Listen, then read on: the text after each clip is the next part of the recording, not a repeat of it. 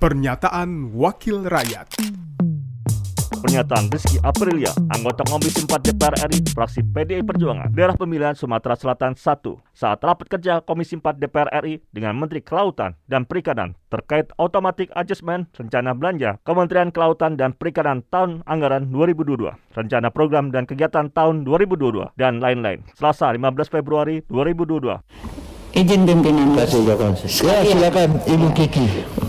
Ya, terima kasih. Sedikit saja mohon maaf teman-teman. Pak Menteri, ini masalah kapal 5 ton ini Pak Sekjen, ini dirjennya ini capek banget kita ngomongin gitu. Dan sering banget kita dicuekin gitu, ya kan? Dikasih tahu deh sering, tapi kayaknya diabaikan. Padahal kita bicara atas nama masyarakat Pak di sini. Kalau Bapak kan gimana aja masih jadi ASN Pak. Kita kan dikontrak. Ya, jadi tolonglah kalau mau bermitra dengan baik saling menghargai.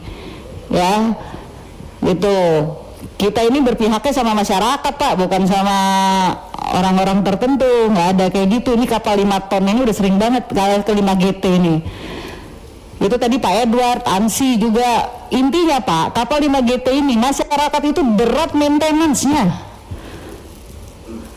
kan gitu. Jangan tiba-tiba udah ditaro aja kok enak aja main taro. Emang udah selesai ya Pak? Terima kasih Minan Pernyataan Rizky Aprilia, anggota Komisi 4 DPR RI, fraksi PDI Perjuangan, daerah pemilihan Sumatera Selatan 1, produksi TV dan radio Parmen, Biro Pemberitaan Parmen, Sekjen DPR RI. Pernyataan Wakil Rakyat